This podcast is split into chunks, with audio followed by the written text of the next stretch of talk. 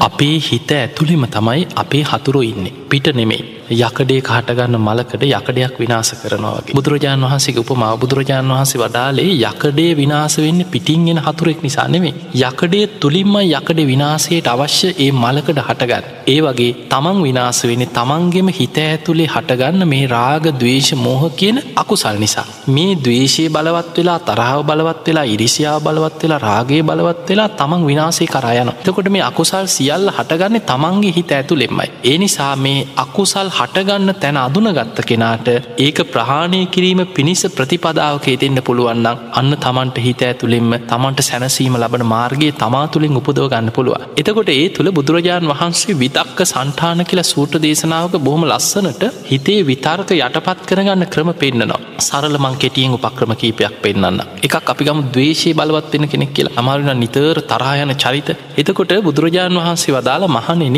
තමන් යම් සිතුවිල්ලක් ගැන හිතන්න හිතන්න.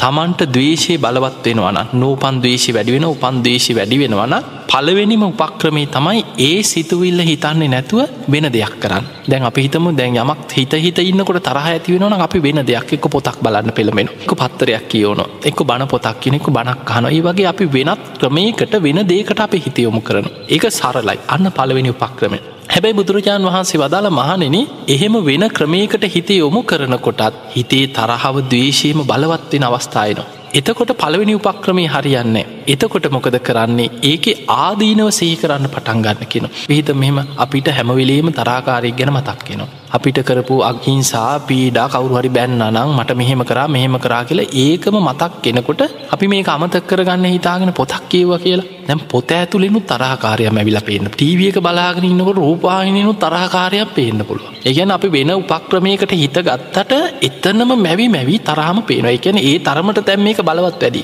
එතකොට ආදීනව මෙනෙහි කරන්න කියන ආදීනව සහි කරනවා කියන අපි හිතනවා මේ දවේශය නිසා මංකොච්ච රපායගිහි ලැද්ද තරහාව නිසා මං කොච්චර සසරි දුක්විඳල ඇද සමල්ලාට පිහියනුම් කාල ඇති මැරුම් කාල ඇති මේ දවේශයෙන් ගත්ත තීර නිසා මං කොච්චර සසරි දුක්විඳල ඇද යකඩේක හටගන්න මලකඩ යකඩයක් විනාස වෙනවා වගේ දවේශය නිසා මාවමනේද විනාසුවෙන් මම මෙහෙම ඉඳලා දවේශයෙන් ඉඳලා මැරුණොත් මං අපායයි නේද? අන්නේ විදිහට තමන් ගැනම ආදීනව මෙනෙහි කරලා දවේශහිත නැති කරගන්න කියලා අන්න දෙවනි උපක්‍රමය පෙන්න්න. හැබැයි බුදුරජාණන් වහන්සේ වදාළ මහනෙනි සමහර පුද්ගලො ඉන්නවා. ඔය උපක්‍රමය හරියන්න ඒ තරමට දවේශය වැඩි. එකන සමහරු ඉන්නවන මෙහෙමනේ. මං අපාය ගියත් කමක්නේ එහෙම කොටසක් ඉන්න ඒ කියන්නේ අර තරහා හිතට ඇතිවුණට පස්සේ කෙලෙස් බලවත් වනාට පස්සයා හිතනවා තරාකාරයකින් පලි අරගෙන මට මොනවුනක් කමන්නේ මං මරාගෙන මැරෙනවා. මං මුංග මරල අපායගයක් කමන්නේ. එහෙම හිතනා ඉන්න. එතකොට එයාට ආදීනව සීකල වැඩන්න මොකද අපායන්නත් කැමති. එතකොට ඒ මට්ටමට දවේශය බලවත්නම් බුදුරජාණන් වහන්සේ වදාලා තවත් උපක්‍රමයක් තියෙන ඒ උපක්‍රමේ තමයි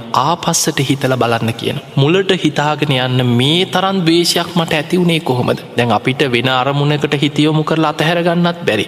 ආදීනව සීකල අපාය බයි සීකල අතහැරගන්නත් බැරි. අපායගියත් කමක් නෑ කියන මට්ටමේ මෙච්චර බලවත් වේශයක් ඇතිවුණේ කොහොමද කියලා මුලට හිතාගෙන යන්න හැබැයි මුලට හිතාගෙන යනකොට සමහරුන්ට තමන්ටම ලැජ්ජහිතෙන සමහර ලොකු ප්‍රශ්නවල හේතු සමයට කවරු හරි කියපු කියලම එක්ක බොරුවක්. සමහලාට බලන්නොයි මිනිමැරුන්වල කෙලවර බැලුවොත් එක්කෝ කාගෙ හරි කියලම කවරු හරි කියපු බොරුවක්. එක්ක අනවබෝධයක්. සමහලාට දරුවෝ නොදරුව සෙල්ලං කරන්න ගිහිල්ල පොඩි දරුව ඇතිවෙච්ච ප්‍රශ්නකට දෙමවපිය මැදිහත්වෙලා. ළමයි බෝලගහලා බෝල හාවත්තට ගිහිල තමයි මේ දෙමවපිය මරාගෙනතිය එතකොට ඔය වගේ මේ හේතු හොයාගෙනම් ආපස්සට හිතනකොට තමන්ටම ලැජ්ජ හිතෙනවා. චිකේ මේ වගේ දේවල්ලොට මම මෙච්චර වෛර කරත් අන්නේ වගේ ආපස්සට හිතල බලත් එහෙම හිතලත් දවේශය නැති කරගන්න බැයිනං දවේශයට ප්‍රතිවිරුද්ධ අරමුණක් ඔස්සේ දවේශහිත මැඩලන්න කියෙන්. දවේශයට ප්‍රතිවිරුද්ධ අරමුණ තමයි මෛත්‍රී. මෛත්‍රී සිතෙන් දවේශහිත මැඩලන්න කිය.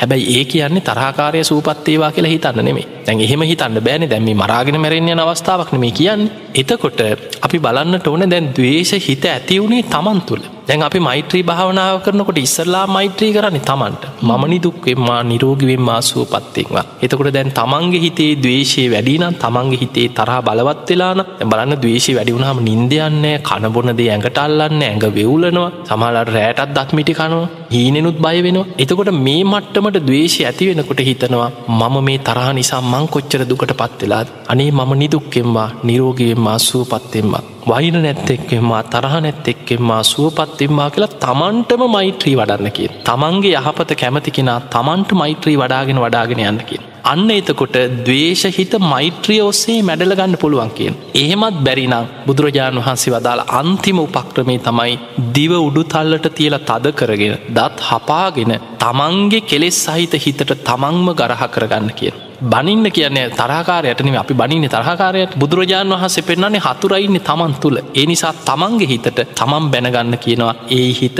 උඹමාව අපාහිට ගෙනියන්න දහතන් ඒ හිත උඹමාව නොමග ගිහිලා උඹමාව දුගතිය හිලන්න දහදන් මේ සසරේ කොච්චරන නුබමාව දුගතියට ඇදලදා නැද්ද කියලා තමන්ගේ හිතට තමන් බැනලා ගරහ කරලා තමන්ගේ හිත මැඩලගන්න කිය එතකොට අපිට පේනොත් තරහකාරය ඉන්න තමන් තුළ. අපි දුක්විනින්නේ අපි හඬන්නේ අපි වැලපෙන්නේ අපි සසරි දුක්වින් දනම් මේ සියල්ලට හේතුව තමන්ගේ හිතේ තියෙන රාග දේශමෝහාදී අකුසල් තමන්ට පාලනය කරගන්න බැරිවීම. ඒ නිසා තමන්ගේ හිත පාලනය කර ගැනීම පිණිස ධර්මානුකූල මේ උපක්‍රමය දන්න පුළුවන්න බොහෝදුරට තමන්ගේ හිත සැනසීමක් උදා කරගන්නවා කියන එක තමන් තුළින්ම මතු කරගන්න පුළුවන් කාරණය